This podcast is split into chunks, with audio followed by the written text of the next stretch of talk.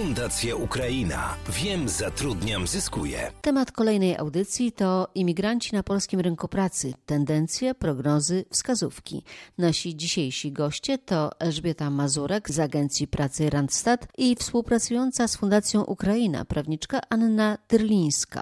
W jaki sposób pandemia wpłynęła na zatrudnienie cudzoziemskich pracowników w Polsce? Przede wszystkim zmalała ilość ofert pracy, a ponadto bardzo dużo cudzoziemców tą pracę utraciło. Cudzoziemcy w Polsce pracują bardzo często na podstawie umowy zlecenia czy też umowy o dzieło, są tak zwane te umowy śmieciowe. W związku z czym, kiedy nastąpiła pandemia, oni byli tymi pierwszymi osobami, które traciły pracę. Ja bym powiedziała, że to nie tyle wiązało się z posiadaniem lub nie obywatelstwa polskiego, ale bardziej z tym, czy oni pracowali na podstawie umowy o pracę, czy też tych umów śmieciowych, bo tak naprawdę to zależało od tego, jak szybko ta praca może być przez nich zakończona. I przez kilka miesięcy my obserwowaliśmy taki spadek ofert pracy na rynku pracy dla cudzoziemców. Było coraz mniej informacji od starosty wydawanych przez, przez urzędy pracy, czyli tych informacji o tym, czy y, są cudzoziemcy, którzy mogą wykonywać daną pracę. To są takie informacje, których pracodawca potrzebuje do uzyskania dozwolenia na pracę dla cudzoziemca. Natomiast już od czerwca obserwujemy ponowny wzrost ogłoszeń o pracę dla cudzoziemców i no wydaje się, że pomimo tego, że mamy coraz więcej zachorowań w Polsce, cudzoziemcy do Polski próbują wrócić. Te powroty jak wyglądają? Bo to jest tak, że wiemy, że obywatele Ukrainy muszą przejść u nas kwarantannę choćby. Te powroty są bardzo trudne. Przede wszystkim przypomnieć o tym, że jeszcze kilka miesięcy temu, w końcach maja, czerwca, jedna z agencji pracy wysyłała samolot po pracowników z Ukrainy, bo jest tak duże zapotrzebowanie w Polsce na pracowników. No i ten samolot kilka razy kursował i ich do Polski przywoził do pracy. Natomiast teraz sytuacja jest dużo bardziej trudna, dlatego że przede wszystkim to jest te 14 dni kwarantanny, którą pracownicy muszą odbyć. W szczególnych przypadkach oni z tej kwarantanny mogą być zwolnieni. Proszę pamiętać, że jeżeli mm, cudzoziemiec przedstawi e, wynik negatywny na koronawirusa, to w ciągu 24 do 48 godzin on może być z tej kwarantanny zwolniony. Tylko tak naprawdę te testy są dosyć drogie, e, no i cudzoziemcy no, nie mają pieniędzy, żeby pokryć koszty tych testów testów z własnej kieszeni, czyli ta kwarantanna tak naprawdę nie zawsze jest konieczna. Natomiast jeszcze takim drugim problemem to jest to, że polskie ambasady i konsulaty są w większości państw poza Unią Europejską zamknięte. Czasami w niektórych krajach, na przykład e, w Ukrainie, e, są takie agencje, które pośredniczą e, między ambasadami a cudzoziemcami. Więc to tych agencjach tak naprawdę składa się te wnioski wizowe. Mm, te agencje działały czasowo, przyjmując wnioski o wizy z powodu wykonywania pracy w Polsce. One jeszcze działają. I co to dla nich oznacza? No, jeżeli oni nie mają ruchu bezwizowego, czyli tego paszportu biometrycznego, albo już ten ruch został wykorzystany, no to oni po prostu muszą czekać, aż ta ambasada czy też konsulat wznowi swoją pracę. Kolejny problem to pandemia też e, utrudniła dostęp do polskich urzędów, choćby do urzędu wojewódzkiego no ten dostęp y, nie zawsze był łatwy, że tak powiem, ponieważ tutaj we Wrocławiu dość trudno współpracuje z Urzędem Wojewódzkim. Natomiast te utrudnienia, które teraz wystąpiły, polegają głównie na tym, że no, jest ochrona na wejściu. Jeżeli ktoś nie ma umówionego spotkania, na spotkanie nie jest się łatwo mówić, no to nie wejdzie i nie dowie się, co się dzieje w jego sprawie dotyczącej czy to pobytu, czy też pracy. Ale proszę też pamiętać, że w momencie pandemii została uruchomiona dodatkowa infolinia oraz taki profil na Facebooku Urzędu Wojewódzkiego, który ma na zadanie wsparcie cudzoziemców. No i wbrew jakimś moim takim negatywnym oczekiwaniom, to to nawet działa. Kiedy ja dzwonię do urzędu, to ostatnio jestem w stanie dodzwonić się w ciągu 5-10 minut i taką ogólną informację mogę uzyskać. To znaczy tego, kto prowadzi sprawę, albo też jaki jest numer tej sprawy. Także pisząc na Messengerze na Facebooku, Facebooku, na ten profil urzędu, też tam informacje ogólne można uzyskać. Też pracownicy przesyłają czy to wzory pełnomocnic, czy też wniosków, więc wbrew pozorom wydaje mi się, że ta pandemia wymusiła wprowadzenie jakichś dodatkowych środków komunikacji między cudzoziemcami a urzędem, no i na razie nawet w porządku to działa. Migrantów z jakich krajów zatrudnia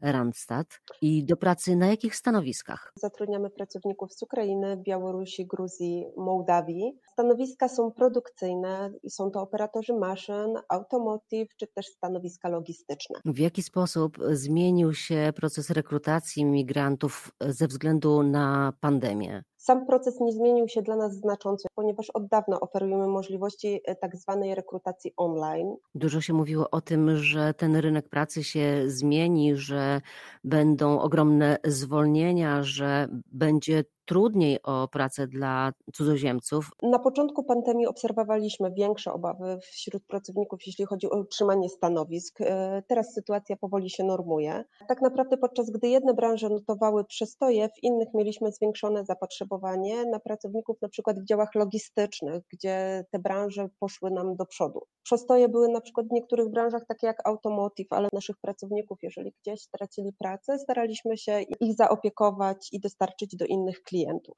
Dodatkowo proponujemy też nam, naszym kandydatom, pracownikom pomóc w uzyskaniu kwatery mieszkalnej. Bardzo często widać pracowników z Ukrainy w sklepach, w usługach. Jak najbardziej to też jest branża, w której zatrudniają się nasi cudzoziemcy ze wschodu. Jest ona dość popularna.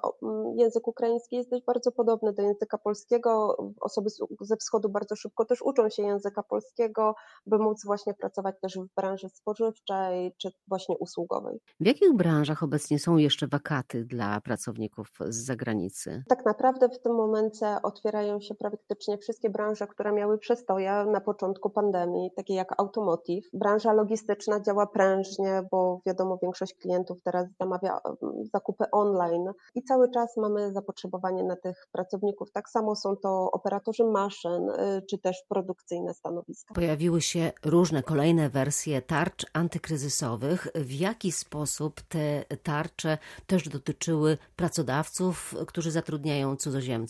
I samych pracowników cudzoziemskich? Przede wszystkim, jeżeli chodzi o pracodawców, no to oni zostali zwolnieni z obowiązku zmiany zezwolenia na pracę, czy też zmiany oświadczenia o powierzeniu wykonywania pracy cudzoziemcowi w ten sposób, że jeżeli cudzoziemiec zmienia rodzaj wykonywania pracy, czyli on na przykład jest przesuwany między stanowiskami, albo też jego wynagrodzenie zostaje obniżone, no to w tym momencie pracodawca nie musi tego zezwolenia na pracę zmieniać. Innym ułatwieniem, ale to głównie dla pracodawców w tych pracach sezonowych, czyli sadownictwo, ogrodnictwo, czy też hotelarstwo, gastronomia, polegał na tym, że cudzoziemcy, którzy posiadali zezwolenie na pracę albo oświadczenie, nie ważne na jakim stanowisku. Byle ono było ważne co najmniej jeden dzień po 14 marca tego roku, taki cudzoziemiec może wykonywać prace sezonowe bez konieczności uzyskania zezwolenia na tę pracę sezonową. Pani jest prawniczką współpracującą z Fundacją Ukraina. Jak pani zauważyła, z czym przychodzą cudzoziemcy, z jakimi problemami, co się zmieniło? Głównym problemem jest to, że oni tracą pracę. Biorąc pod uwagę, że głównie we Wrocławiu czeka się bardzo długo na zezwolenie pobytowe na podstawie pracy, to jest nawet 2, 3 albo 4 lata, proszę sobie wyobrazić, że ktoś złożył wniosek na pobyt i pracę ponad rok temu, już ponaglenie, złożył skargę do sądu i on już ma ten termin decyzji na przykład na wrzesień czy październik, no a stracił pracę miesiąc temu z powodu pandemii.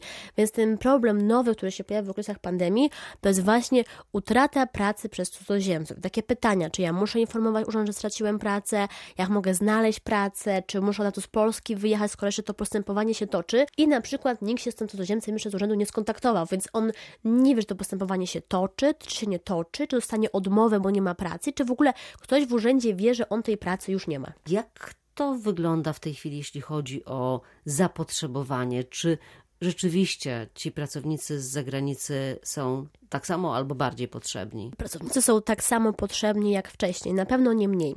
Proszę pamiętać, że pierwszą taką grupą docelową dla pracodawców w Polsce to są głównie Ukraińcy, natomiast kolejną to są pracownicy z Azji, czyli głównie Indie, Bangladesz, Sri Lanka. Problem jest na tyle duży, że już ambasady Izby Gospodarczej Indii kontaktują się na przykład z władzami Polski, pytając, kiedy będzie można znowu otrzymać wizę do Polski, ponieważ w Polsce jest tak duże zapotrzebowanie na pracowników. Gospodarka dalej ruszyła, natomiast jeżeli mówimy o ofertach pracy, to ich jest prawie tak dużo, jak było przed epidemią. Ta liczba się prawie już wyrównuje a przyjeżdżających mniej jednak. Przyjeżdżających jednak jest mniej, dlatego że Polska no, nie wydaje wiz. Jeżeli mówimy o Indiach, no to New Delhi zaczęło te wizy na pracę wydawać około miesiąca temu, natomiast Mumbai no dalej tych wiz nie wydaje, wszystko jest zamknięte na cztery spusty. I nie wiadomo, co będzie tak naprawdę. Należałoby zastanowić się na tym, jak usprawnić to wydawanie Audycja została zrealizowana w ramach projektu Integracja, Adaptacja, Akceptacja. Wsparcie obywateli państw trzecich zamieszkałych na Dolnym Śląsku, współfinansowanego z Programu Krajowego Azylu, Migracji i Integracji oraz budżetu państwa. Bezpieczna przystań, wyłączna odpowiedzialność za wyrażone opinie spoczywa na autorze i Komisja Europejska oraz Ministerstwo Spraw Wewnętrznych i Administracji nie ponoszą odpowiedzialności za sposób wykorzystania udostępnionych informacji. Fundacja Ukraina. Wiem, zatrudniam, zyskuję.